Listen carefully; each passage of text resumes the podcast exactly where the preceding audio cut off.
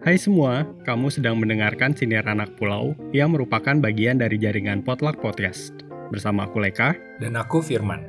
Setiap Kamis sore, kami akan membahas topik-topik tentang kehidupan jauh dari rumah yang bisa kamu dengarkan lewat Anchor, Spotify, Apple Podcast, Google Podcast, dan platform podcasting terkemuka lainnya. Untuk tahu informasi lebih lanjut tentang Siniar Anak Pulau, kamu bisa follow kita di Instagram at Siniar Anak Pulau dan at Potluck Podcast.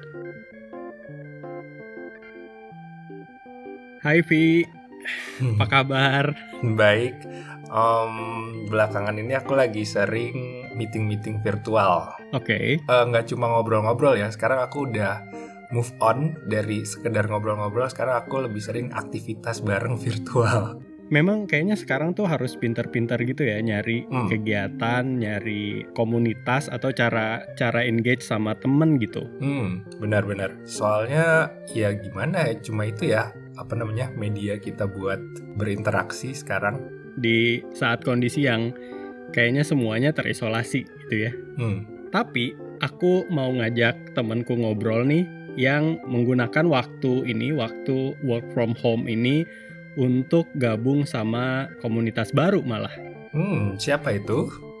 Sekarang kita akan kedatangan Gideon Satria Putra atau panggilannya Dion, seorang strategic communication consultant dan founder dari Framework Communication yang baru aja menyelesaikan studi master bisnisnya di SBM ITB dan Master of Strategic Public Relations di LSPR. Hmm. Hai Dion. Halo Dion, Hai Laika, hai Firman. Selamat datang di sini anak pulau. Thank you, thank you, it's my honor. Senang banget diajakin ngobrol sama Firman sama Laika hari ini. Oke Dion, boleh cerita sedikit nggak sih sekarang kamu lagi ngapain? Ada di mana? Gitu. Oke, oke. Jadi aku lagi ada di Kediri. Uh, Kediri itu ada kota dari kabupaten. Nah, aku tepatnya di kabupatennya, di Kabupaten Kediri, Jawa Timur. Lebih tepatnya lagi, aku lagi ada di Pare nih, Hmm, Firman. Di sini.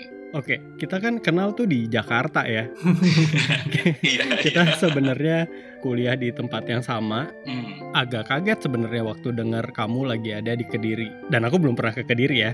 Ya aku juga. Dan bisa gambarin gak sih Kediri itu kayak apa gitu? emang suka banyak yang nggak kira kalau misalnya aku tuh ternyata bukan dari Jakarta atau dari mana karena biasanya ketemunya di Jakarta karena udah lama di sana. Padahal sih dari Kediri nah sering banget nih ditanya kayak kayak Leka atau Firman kepo nih Kediri itu kayak Hmm. gimana sih? Atau Pari itu kayak gimana gitu. Aku tuh selalu bilang kayak meskipun ini daerah ya kampung tapi aku bakal bilang vibrant banget Hmm. gitu kotanya ini menolak untuk tertinggal gitu jadi meskipun uh, nggak segede kota lain, tapi ada perkembangan terus. Terlebih kita punya banyak banget visitors di sini dan orang lokalnya juga sering support ke visitorsnya gitu. Kedua, apa ya? I would say livable. Ya, kalau misalnya aku disuruh milih the most livable city in Indonesia, aku bakal nominasiin Kabupaten Kediri, Oke. Pare terutama, karena dari orangnya, affordability-nya. Atau nggak sih makan di sini tuh bisa dapat Eh, misalnya harga pecel, nasi pecel pakai tahu tempe 5000 nih. Terus aku Wow. tuh lagi pengen ngurangi nasi nih, eh, Firman. Aku bilang, "Eh, "Bu, nasinya setengah aja gitu." Pas bayar tuh dikembaliin 2000. Jadi cuma 3000 buat sarapan. Terakhir, soothing kali ya. Kalau kalau buat aku aku bilang soothing karena sebenarnya aku eh, lahir dan besar di sini. Iya. Jadi buat aku balik ke sini tuh aku punya banyak memori aku panggil gitu. Kalau mereka kan ketemu aku di Jakarta, aku sering bilang kalau di Jakarta aku sering FOMO gitu, fear of missing out. Tapi pas pas aku balik ke kampung, aku jadi JOMO gitu, joy of missing out. Aku nggak apa ngerasa kalau diri aku missing out karena aku beneran menikmati uh, presence-ku di sini gitu. Jadi dapat banget syutingnya kalau ke diri. Dan aku sering dengar dari pendatang juga kayak aku awalnya cuma mau sebulan nih belajar uh, atau main di sini, tapi akhirnya aku tambah jadi dua bulan atau jadi tiga bulan. Mereka bilang yang tadinya tuh sibuk banget ngecek sosial media, sekarang tuh kita sibuk berinteraksi sama temen dan orang sekitar yang kayak gitu. Oke. Jadi tadi ya vibrant, soothing, sama uh, livable. Yes.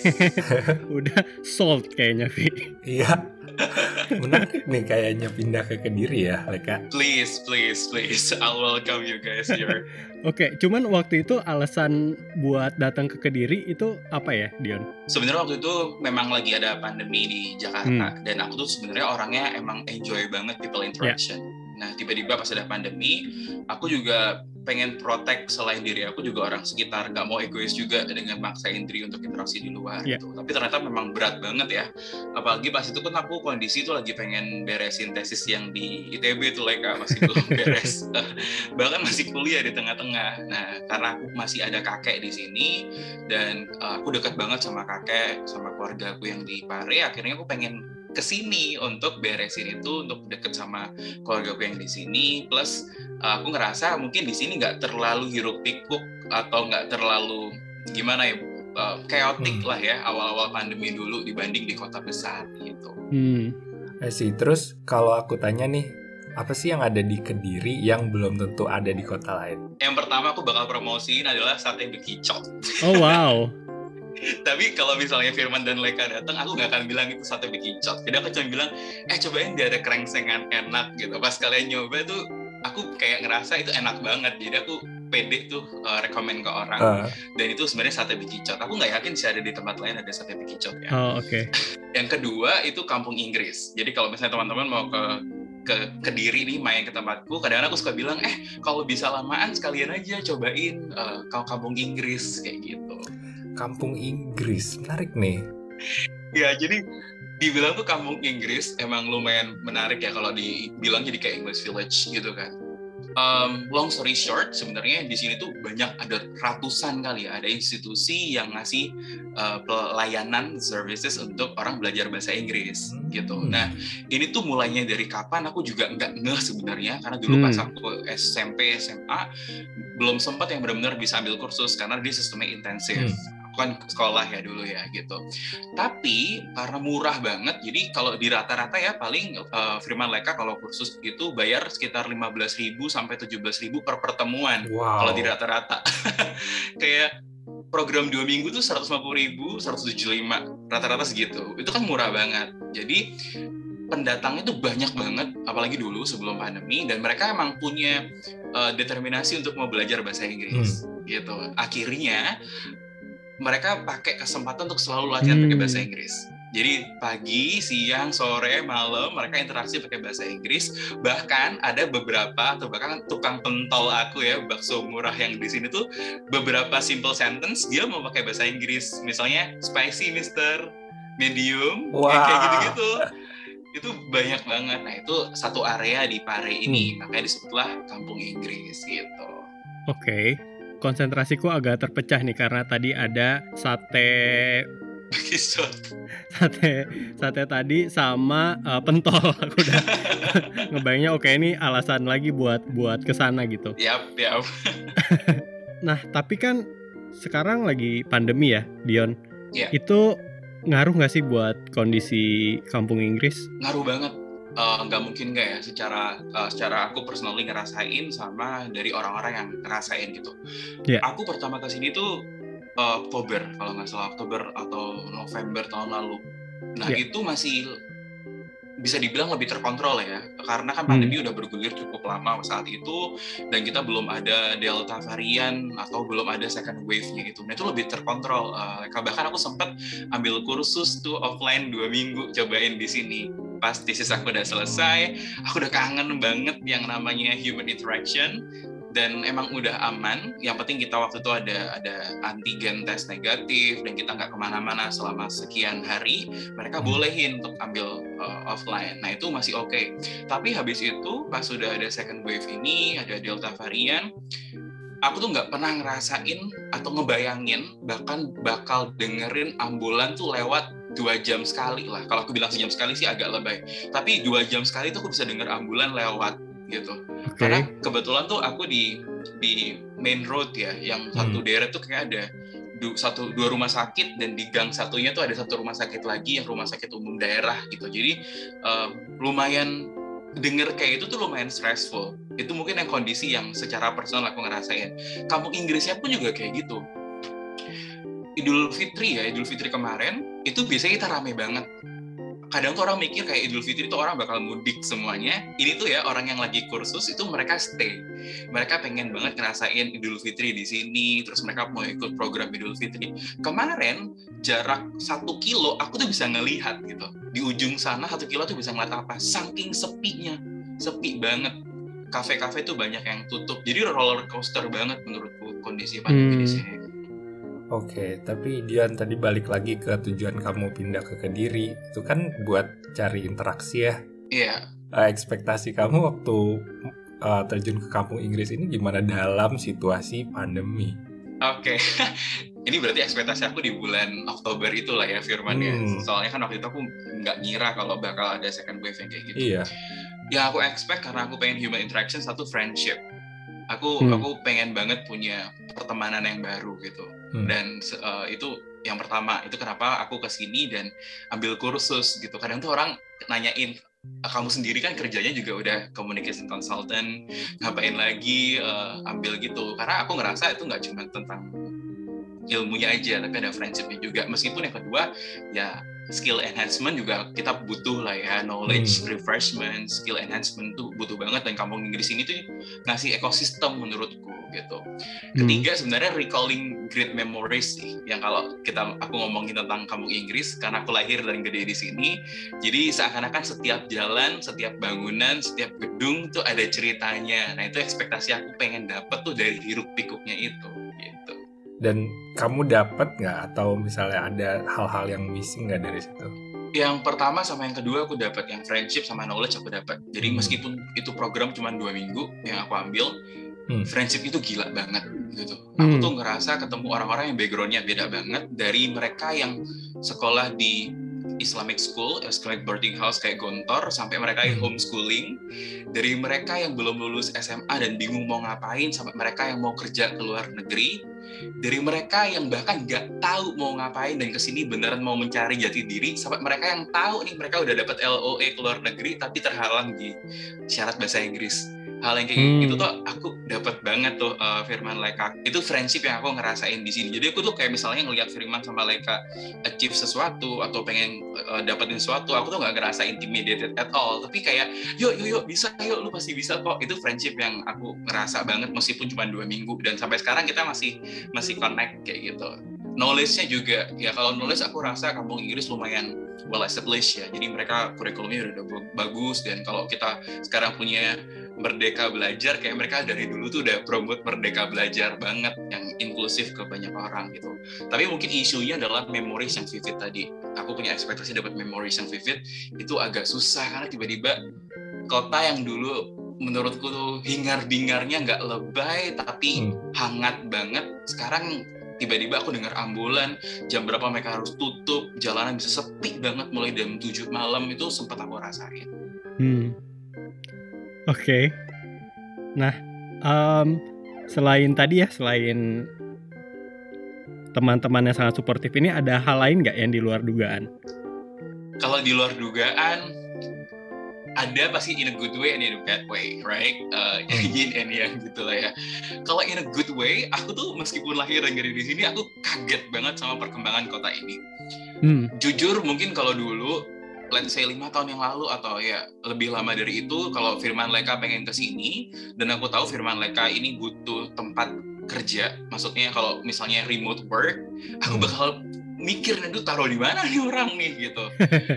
Tapi sekarang kita punya modern cafe dalam arti yang semi outdoor yang provide a very good and stable wifi yang nyaman banget itu yang aku surprise banget dan itu nggak cuma satu gitu. Itu bisa banyak banget di kampung Inggris itu sendiri yang membuat orang tuh beneran punya ekosistem yang saling mendukung termasuk dari infrastrukturnya. Yeah. kalau in a bad way atau sebenarnya bukan bad sih tapi kayak un, uh, unfortunate or un, unexpected adalah uh, pandemi itu sendiri uh, Firman sama Leka mungkin ini pengaruhnya karena aku sekolah bisnis ya uh, jadi tiba-tiba ada mindset bisnis yang mau nggak mau tertanam sedikit ketika ngelakuin observasi.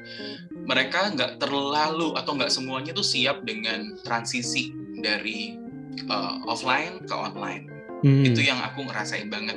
Banyak bisnis di sini yang tiba-tiba aku bisa bilang kolaps, baik segi uh, kampung Inggrisnya, uh, mereka servisnya, pelayanannya karena nggak semuanya go digital in a good way dan beberapa bisnis yang lain. Itu mungkin yang aku cukup di luar dugaan karena aku pikir dengan kondisi mereka berkembang cukup bagus, uh, mereka juga ada yang um, apa ya perkembangan di sisi bisnisnya mereka juga. Tapi itu in a, in a, in a good and a bad way yang aku ngerasain luar dugaan. Ya, yeah. oke. Okay.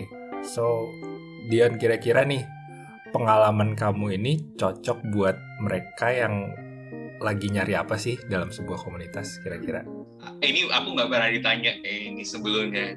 Uh. Karena kalau aku pribadi sebenarnya hmm. kan memang ada emotional bonding. Aku melekat banget di sini Firman sama Aleka. Jadi nggak nggak dibungkiri bahwa motivasi aku terbesar ke sini salah satunya adalah kayak balik lagi uh, where my heart is gitu the okay. home where my heart is tapi ternyata ketika aku ngobrol sama teman-teman aku tadi aku tuh beneran nggak pernah mengira kalau mereka juga sedikit banyak lah merasakan nyaman yang aku rasakan meskipun mereka tuh belum lama ada di sini gitu.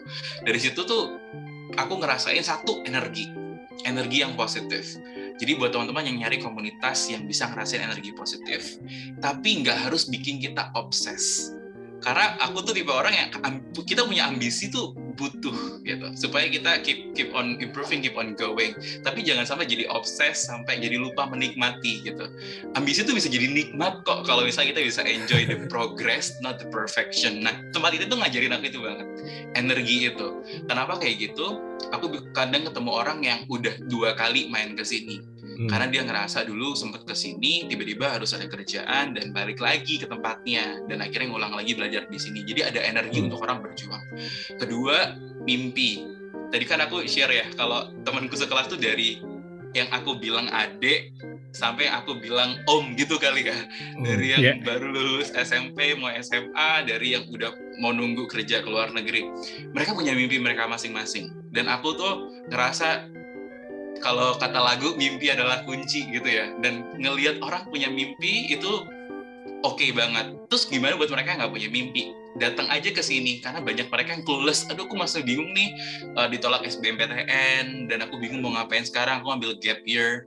Nah itu mereka menurutku ya mereka create new dream. Atau mereka membuat bahwa masih bisa kok gue punya mimpi. Jadi buat yang clueless pun uh, menurut aku ini a good uh, place buat gak wasting time gitu, tapi masih punya itu. Terakhir kalau I may share buat yang nyari motivasi.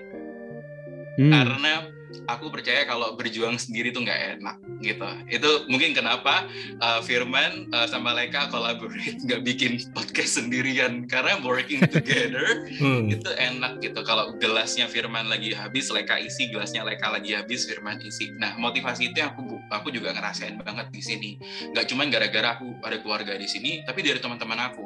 Aku ingat banget waktu itu teman aku sering banget nanya, kak kapan wisuda, Gideon kapan wisuda itu mereka yang baru kenal 2-3 hari. Tapi kan waktu itu aku share ke mereka kalau aku lagi nunggu sudah yang ITB dan mereka bilang kita mau nonton. Nah itu menurutku motivasi yang aku terima dari eksternal support yang gede. Dan ternyata hal itu sering banget aku dengar dari orang lain juga.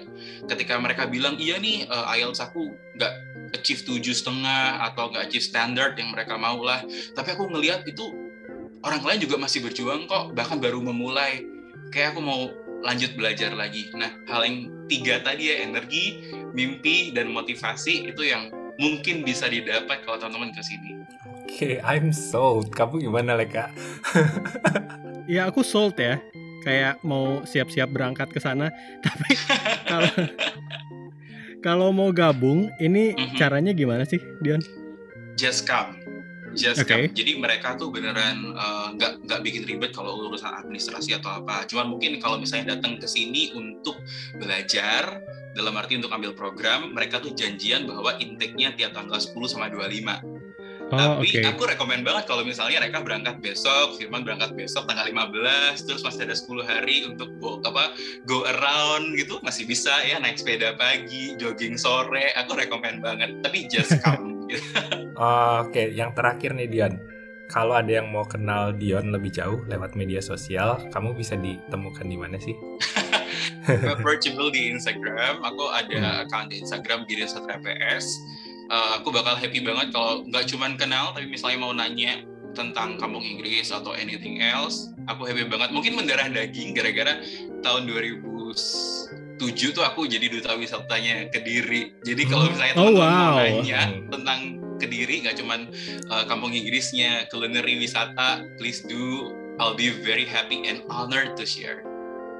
Oke, buat buat promosi Dion lebih jauh nih sebagai temannya, bukan cuma bisa ngobrolin soal Kediri dan eh, Pare dan Kampung Inggris, mungkin juga kamu bisa kenal lebih jauh dan nanya-nanya eh, sama Dion tentang misalnya eh, S2 gitu, tentang karena beliau mengambil double degree gitu di di dua universitas yang beda. Eh, tadi yang sempat aku sebutin di opening di LSPR dan di ITB, bisnis dan eh, strategic PR.